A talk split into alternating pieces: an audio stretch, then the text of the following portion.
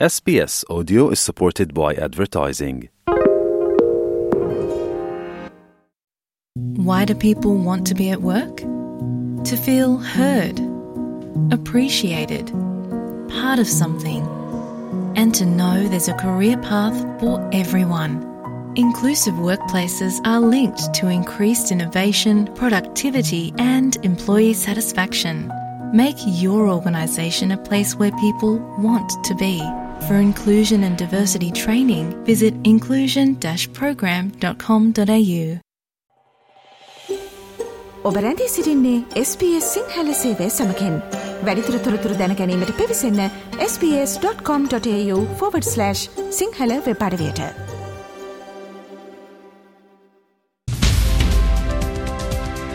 මවබිමින් පුවත් ඔස්ට්‍රේලියාවේ අද උදැස්ස නවද විට ශ්‍ර ලංකාවෙන් වාර්තාාවන ප්‍රධානතම පුවත් කිහිපය මෙන්න.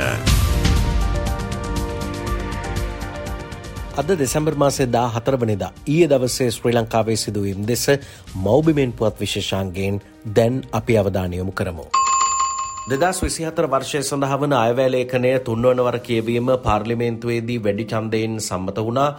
ඊයේ දවසේ අයවැය චන්ද විමසීමේදී අයවැයට පක්ෂව චන්ද එකසිය විසි දෙකක් ලැබුණ විරුද්ධව චන්දාසු එකක් ලැබුණා. ඒ අනුව තුන්වන වර කියවීම වැඩි චන්ද හතලිස් එකකින් සම්මත වුණා. විශේෂත්වය යන්නේ සීවි විග්නේශරන් මන්ත්‍රීවරයා චන්දය විමසන අවස්ථාවේ පාර්ලිමේන්තුව හිටියේ නෑ යනු ඔහුගේ චන්දය අයවැයට පක්ෂව හෝ විපක්ෂව නොලැබී ගියා. නමුත් නමුත් රොෂාන් රණසිංහ හිටපු ක්‍රීඩා මාත්‍යවරයා අයවැයට විරුද්ධව ඡන්දය ප්‍රකාශයට පත් කරා. අයවැයට පක්ෂව වඩිවේල් සුරේෂ් මන්ත්‍රීවරයා එවගේම අර රත්තරන් සම්බන්ධයෙන් ප්‍රශ්නයකට මැදිවුණු අලිසබ්‍රි රහිම් මන්ත්‍රීවරයා ඒත් එක්කම ජෝන්සන් විරත්න මන්ත්‍රීවරයා අනුර ප්‍රේදර්ශනයේ ආපා මන්ත්‍රීවරයා එතකොට දුමින්ද දිසානායක ශ්‍රී ලංකා නිදහස් පක්ෂයේ මන්ත්‍රීවරයා ප්‍රියංකර ජයරත්න මන්ත්‍රීවරයා ඒ වගේ කණ්ඩායම් මෙවර අයවැයට පක්ෂව ඡන්දය ලබා දුන්නා. ඒ අනුව බැලුවට පස්සේ වැඩි ඡන්ද 41කින් අයවැය තුන්වන වර කියවීම පාර්ලිමේන්තුවේදී සම්මත කරගන්න ආණ්ඩුවට හැකියාව ලැබුණා. අයවැ විවාදයට එක්වුණු සමග ජනබලවේගේ පාර්ලිමේන්තු මන්ත්‍රී ආචාර්ය හර්ෂද සිල්වා සඳහන් කරේ මෙවර මේ වැට් බදු වැඩිකිරීම ඇතුළු කාරණා නිසා ජනතාවට පැටවෙන බර දරාගන්න ජනතාවට නොහැකි බව මේ අනුව ඒ පිළිබඳව අදහස් පළ කළ ආචාර්ය හර්ෂද සිල්වා පාර්ලිමේන්තු මන්ත්‍රීවරයා. ජනතාව මත පැටවෙන බර ඒක උහුලගන්න බෑ. මම රනිල් වික්‍රමසිංහ ජනාධිපතිතුමා මීට කලින් අපි ඔහුත් එක්ක එකට වැඩ කරලා තියෙනවානේ. එතකොට ඒ සාමාන්‍ය ජනතාවගේ දුක තේරුම් ගැනීමේ ශක්තිය පිළිබඳව අපිට ඒ ප්‍රශ්නය පැනලා ගන්න සිද්ධ වෙනවා. ඒක තමයි ඇත්ත. අනිත් ඇත්ත තමයි එතුමාගේ කතාවේ රට බංකලොත් කරපු ආර්ථික අපරාධ කරපු ආර්ථික ඝාතකයෝ ගැන එක වචනයක්වත් එතුමා කිව්වේ නෑනේ. එතුමා කියන්න උත්සාහ කරන එක රට ජනතාව විසින් රට බංකොලොත් කර කරගත්තා වගේ කතාවක්. එවගේම ජාත්‍යන්තර මූල්‍ය අරමුදල මගින් විස්සීරණ ණයපාසුකමට අදාළ දෙවන වාරික මුදල ශ්‍රී ලංකාවට ලබා දීමට කටයුතු කළා.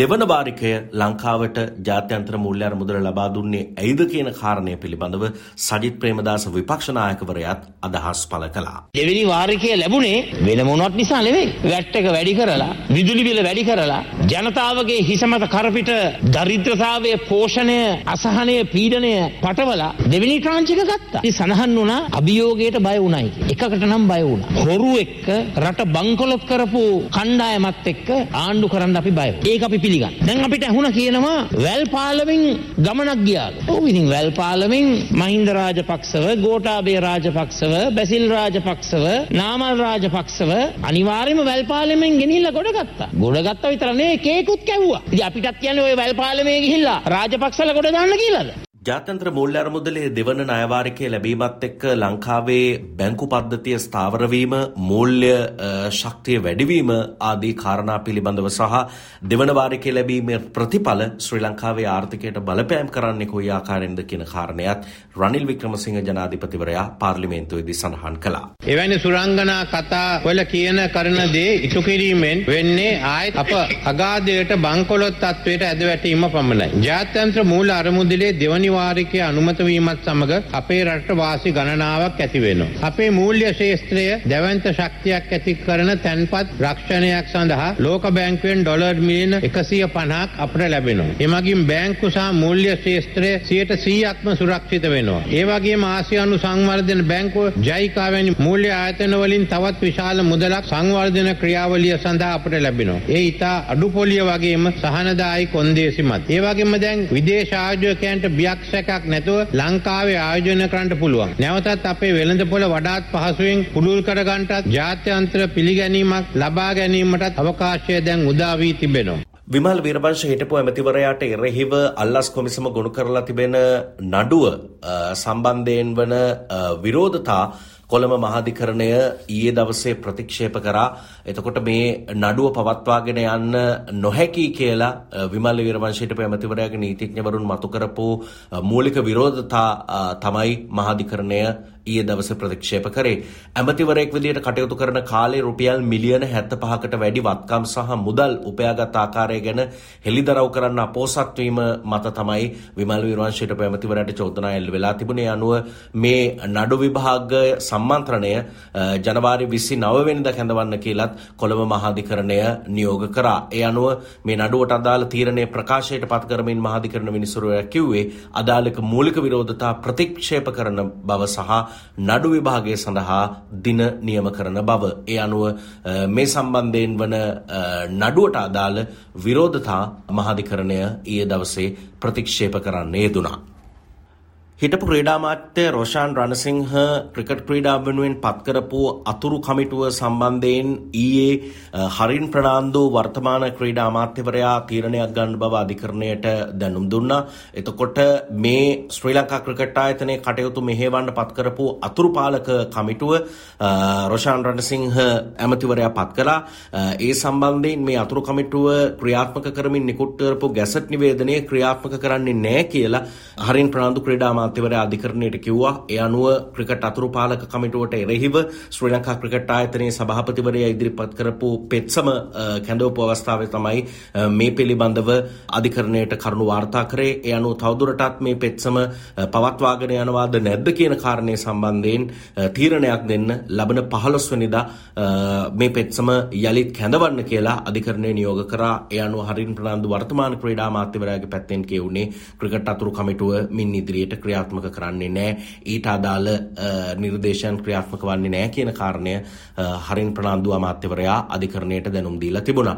ඒ වගේම ඒ සම්බන්ධයෙන් වන තීරණය පිළිබඳව ක්‍රිකට් සම්බන්ධයෙන් වන තීරණය පිළිබඳව ඊයේ හරින් ප්‍රනාන්දු අමාත්‍යවරයා පාර්ලිමේන්තුවේදී අදහස් පළ කළා. මම ට්වීට් පණිවිඩයකුත් ඇහුවා මම හිතනවා විපක්ෂ නායකතුමාට මේක තේරෙන්නේ නැතුව ඇති. මොකද ලෝකේ ක්‍රීඩා පරිපාලනය සම්බන්ධයෙන් තියෙන්නේ ICC කටයුතු කරන්න වෙන ක්‍රමයකින්. ICC අපිව තහනම් කරලා තියෙන්නේ. ඔවුන් එක්ක සාකච්ඡා කරපම මේක ප්‍රසිද්ධ වෙන්න කෑග් ගහලා ක්‍රිකට් දූෂිතයි මේකයි කිව්වට ICCට මේ අපි පාර්ලිමේන්තුවේ කියන කිසිම දෙයක් වැඩක් නැහැ. ඒක නොතේරෙන විපක්ෂ නායකවරයෙක් ඉඳීම ගැන මම කනගාටු වෙනවා. ICC එක කිව්වේ ඉන්ටරිම් කියන වචනේ ඒගොල්ලන් පිළිගන්නේ නැහැ කියන එක. ඒගොල්ලන් කිව්වේ මේ ලංකාවේ ක්‍රිකට් පරිපාලනය කරුණා කරලා කතා කරන්න පොඩක් දෙන්න කියන්නේ. පොඩ පොඩ හැදෙන්න. ඒගොල්ලන් කිව්වේ ක්‍රිකට් පරිපාලනයේ චිත්‍රසිරි වාර්තා වෙනවා. ඒ වාර්තාවට ආවට පස්සේ අපි ස්පෝර්ට්ස් ලෝ එක වෙනස් කරලා මේ ක්‍රිකට් පරිපාලනය වෙනස් කරන ක්‍රමවේදයක් තියෙනවා. ඒ ක්‍රමවේදය අපි පාර්ලිමේන්තුවේ කිව්වයි කියලා ICC පිළිගන්න එකඟ නැත්නම් මේ බොරුවට කෑ ගැහුවයි කියලා කිසි තේරුමක් වෙන්නේ නැහැ. ඊයේ දවසේ වැඩබලන පොලිස්පති දේශබන්දු තෙන්නකෝන්ගේ උපදෙස් පරිදි ක්‍රියාත්මක වන අලුත් ඒකකයක් පිළිබඳව පොලිස් මාධ්‍ය ප්‍රකාශකවරයා මාධ්‍යට දැනුවත් කළා. ඒ අනුව සමාජ මාධ්‍ය ජාල ඔස්සේ සිදු කරන ආගමික වැරදි පිළිබඳ විමර්ශනය කරන්න වෙනම ඒකකයක් ස්ථාපිත කරලා තිබෙනවා.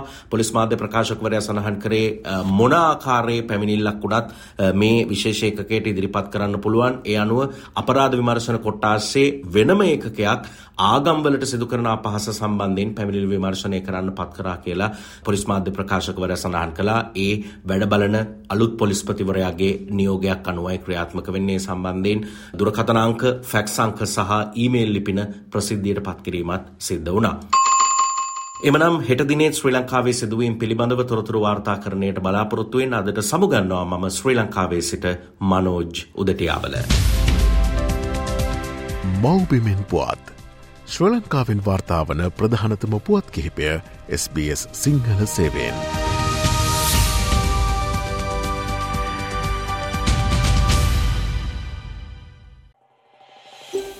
මේ වගේ තවත්තොරතුරු දැනගන්න කැමතිද. එහමනම් Apple podcast, Google podcast Spotify ඔබගේ පොඩ්කාස්ට ලබාගන්න ඕනෑ මමාතයකින් අපට සවන්දය හැකේ.